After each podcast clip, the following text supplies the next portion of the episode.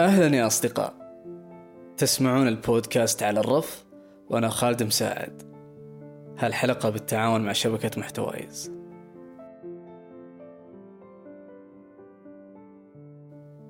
وش رأيك نفتتح الحلقة بسؤال من أسئلة ماذا لو؟ ماذا لو الإنسان ما يهتم لتفاعل الناس معه مع سلوكياته وتصرفاته؟ ماذا لو أنه ما يحتاج أن يحشد من حوله العيون والأسماع؟ ويكتفي بداخله هو اللي يسمعه ويشوفه. هو اللي يشهد له. قال كذا وسمعت عنه كذا وشفته هنا وهناك. والناس مجرد أفراد مكتفين في أنفسهم يمارسون نفس العملية. بتقول لي هذا مستحيل. طيب لو بيحزن من يسمع له؟ ومن يعبر له؟ طيب لو بيضحك من بيضحك معه ومن يضحك له. أو لو بيحب من بيحبه ومن بيحب. ولا لو يبي أحد يمد له يد العون أو يبي يمد يد العون لأحد دائما نسمع طبيعة الإنسان بأنه كائن اجتماعي ومتفاعل مع من حوله. نحاول نقرب الصورة شوي لنواة هذا التفاعل. وش السبب الرئيسي اللي يلح عليه يتفاعل؟ ويطلب كل هالامتيازات من الناس. الإنسان طبيعته مفطورة على حب لفت انتباه الآخر. من ثم الآخر يتفاعل معه وهالحالة بدأت معه من الطفولة. كان ينطق من أجل النطق. بعدها ينطق عشان تتفاعل معه الأم ثم يحرك يديه ويضحك. في كل مرحلة عمرية تتطور معه الحالة إلى أن يكبر. وتتنوع الأشياء اللي يرغب بلفت انتباه الآخرين تجاهها حتى إن ألن دوبوتون في كتابه قلق السعي إلى المكانة يقول كيف نتأثر بغياب الحب؟ لماذا يقودنا التجاهل إلى حال من الحنق واليأس التامين؟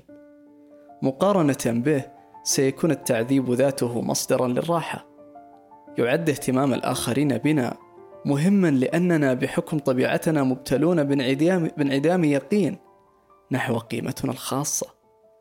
ونتيجة لهذه البلوى فإننا ندع تقييمات الآخرين لنا تلعب دورا حاسما في الطريقة التي نرى بها أنفسنا. إن إحساسنا بالهوية أسير في قبضة أحكام من نعيش بينهم.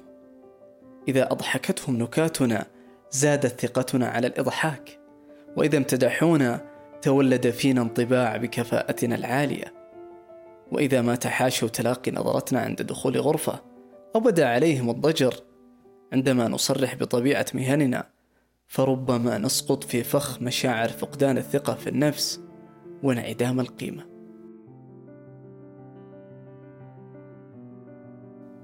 نتساءل بسؤال ماذا لو لكنه أكثر منطقية.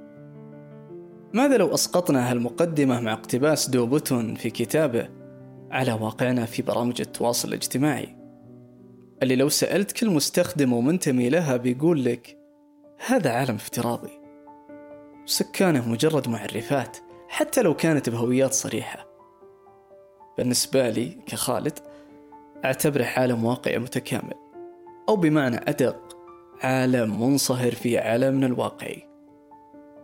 من الطبيعي تتولد حالة لفت الانتباه طالما في إنسان ودائرة معارف شخصية أو دائرة معجبين وفانز.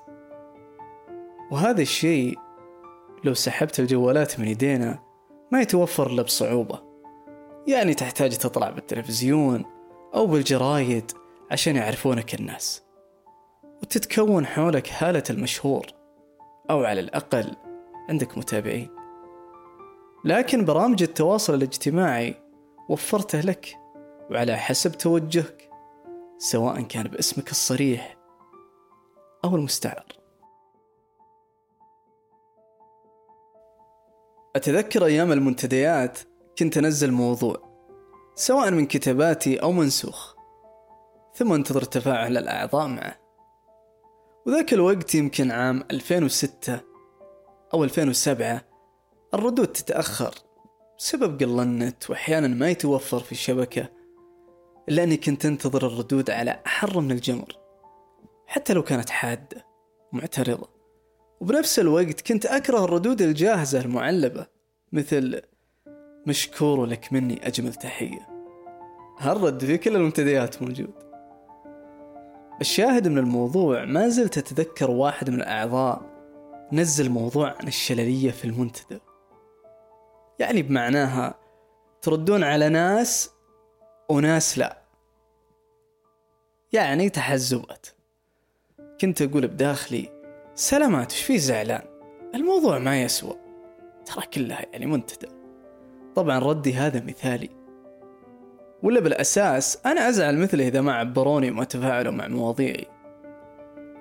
الله على أيام المنتديات وجمالها ولذتها. المهم بعدها دخلنا تويتر وانستغرام.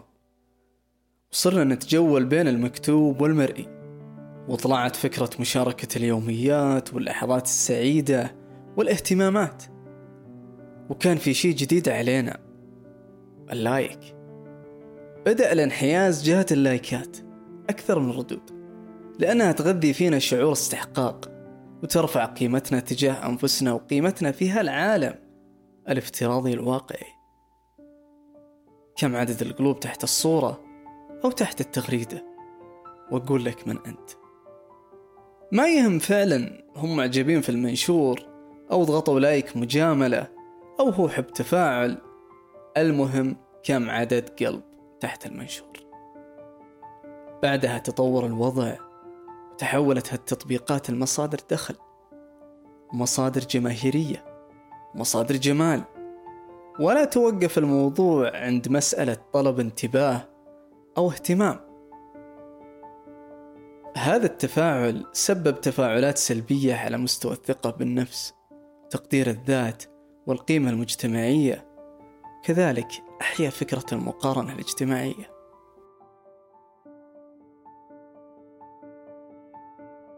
تطور الموضوع من طور الفرد البسيط اللي يصور يومياته أو يكتب أفكاره إلى فكرة الفرد اللي يسعى يكون مشهور ويحقق مداخيل مالية وجمهور يحتفي فيه ورسائل على الخاص وإعجابات ما تنتهي.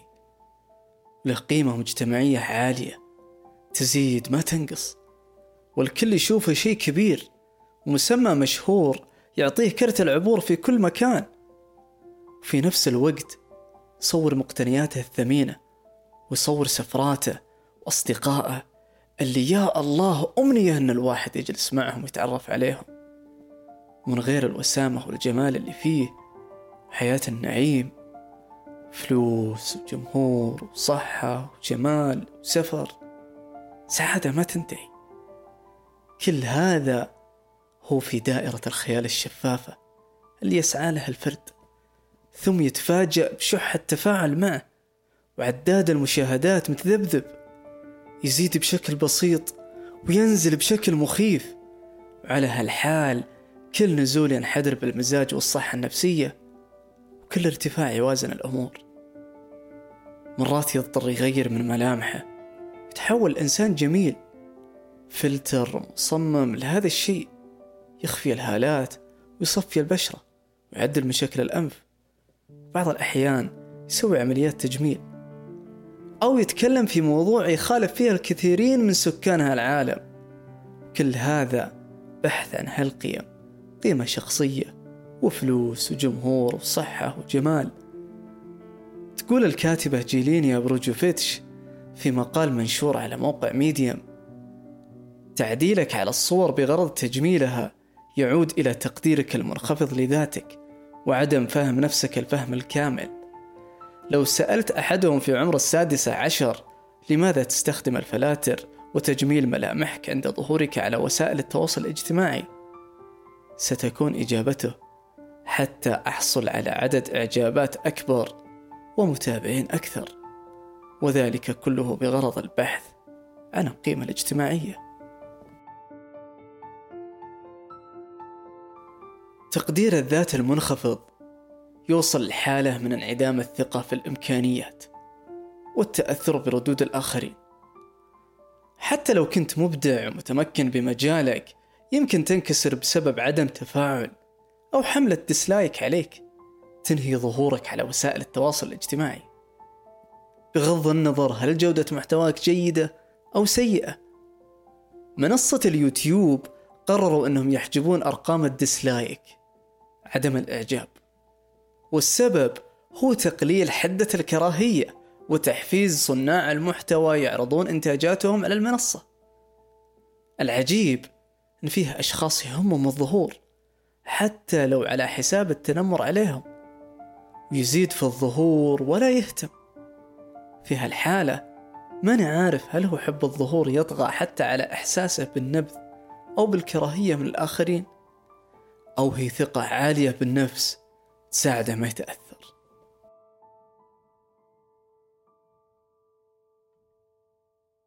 داخلين على حقبة جديدة سميتها حقبة التيك توك. عالم التيك توك عجيب بداية من تصميم التطبيق والمزايا اللي فيه من تعديل على الصور وغيرها ولا من مقاطع وبثوث وتحديات ما تنتهي. يهمني دائما صديق المستخدم اللي نزل محتوى هناك. هالتطبيق إذا ما فهمته لا يمكن تتواكب معه. اركب موجات الترند ويتكفل بوصولك للناس بسهولة أكثر بكثير من وصولك لهم في البرامج الثانية. أعتقد أنه خفف من حدة القلق من ناحية الانتشار لكن رفعها من جهات ثانية. يعني تشوف مقطع يستثير غريزة أو شعور معين عندك وبعدها يطلع لك هدف توتي على ميلان وبعده مقطع مجتزأ من بث فيه اثنين متهاوشين. بعده واحد مصورينه بمطعم والمسكين ما درى ومركبينه بالقوة في موجة الترند. والمشكلة الثانية إنك تدخل في بث ويتابعونك أعداد كبيرة لكن زلة لسانك محسوبة عليك ويمكن تدمرك وينقلب عليك المحبين ويتحولون كارهين معادين لكل شيء لك علاقة فيه. وإذا تحب تفهم سيكولوجية الغضب في مواقع التواصل الاجتماعي اسمع حلقة الغضب الجماعي للدكتور محمد الحاجي في بودكاست معنا. من اللي لاحظته إن شخص يتصور بشكل عفوي وينتشر الفيديو انتشار النار في الهشيم ثم تقبل عليها الشهرة المؤقتة بارتفاع أدرينالين المتابعين. مجرد ما يتابعون هالمقطع فترة يبدأ هالشخص يرجع لمكانه الطبيعي. ثم يفقد الضوء الساطع الدافي اللي كان يحفه من كل اتجاه. يحاول يرجع يعيد المقطع لكن للأسف فقد عفويته. ثم يحاول حتى ما ينعرف بجملة هو قالها. فيها اللي تضبط معه الإعادات وفيها اللي كل ما يعيد ينزل تحت في اختيارات المتابعين لحد ما يندثر. التمسك بخيوط الشهرة ما هو إلا طلب لحاجة الانتباه. والتواجد في هالعالم المتلاطم. الكل يبحث عن السطح الكل يعتقد أن الهواء هناك نقي. طلب الانتباه والأضواء يوصل صاحبه أنه يسلع أحزانه. شفنا حالات استغل المرض أو المصيبة أو الموت عشان يحقق أكبر عدد من المشاهدات. ناهيك عن اللي يختلق قصص عشان يكسب منها التعاطف. في عالمنا الواقعي المتجرد كلنا ندرك مفهوم ضبط النفس وإننا نطلب الانتباه لكن ما توصل لخدش كرامتنا أو التقليل من كياناتنا. حتى لو كان اللي بيلتفتون لنا أشخاص نطلب ودهم ونسعى لقربهم. لكن في تطبيقات التواصل الاجتماعي توصل حالة من اللا إدراك لقيمة القيم اللي يحملها الإنسان. ويمكن ينسفها إذا ما سيطر على نفسه. مثل دينه وكرامته وأخلاقه وشهامته والأعراف والذوق العام. والمثير في موضوع التفاعل ومهما كان الغرض من وراه فيه إدمان. والمدمن ما يستوعب حجم التصرف سواء صح أو خطأ. أبى أقول لك موقف يتكرر علي. يسألوني أصدقائي عن الترويج للمحتوى ومن الآخر نبي أرقام. كنت أقول لهم اطلب بشكل صريح من الناس يتابعونك وينشرون لك. ثم أسمع منهم الرد المفاجئ. يا أخي صعب أطلب منهم. مستحي. عاد هنا يتحرك المقنع بداخلي ثم أقول له أنت تعرض عليهم منتج. إذا أعجبهم بيأخذونه وإن ما أعجبهم بيرفضونه. ببساطة يعني. متفهم يا صديقي حالة الإحباط. إنك تحاول تبدع وتصنع محتوى مميز في منصاتك المفضلة. حتى لو كانت يومياتك وتتفاجأ بقلة المتابعين والمشاهدات. وغيرك تبارك الله عنده أعداد مميزة. ويتفاعلون معه. الموضوع مو موضوع منافسة أو حسد. ولكن أنا مميز. ليه ما يتابعوني. نصيحة مجرب. واصل. طور من جودة محتواك. وتعلم طرق الإخراج في التطبيق اللي أنت متفاعل فيه. تعلم كيف تصنع قصة. ترى المتابع يحب القصص. إذا محتواك بصري حاول يكون جاذب للعين. سينمائي أكثر. وإذا مكتوب طور أساليبك الكتابية وتعلم الكتابة الإبداعية. إذا سمعي احرص على ملامسة قلب المستمع واهتم بالجودة الفنية وتأكد أقوى تسويق هو المحتوى المستدام اللي فيه جودة اللي ما له عمر.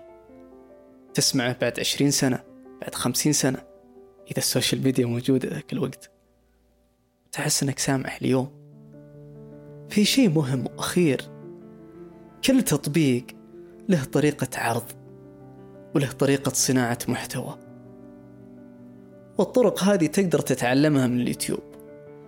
يعني لو تكتب professional reels بتحصل مقاطع كثيرة تعلمك كيف تسوي فيديو reels بإنستغرام يجيب مشاهدات. متأكد بيوم من الأيام توصلني رسائلكم.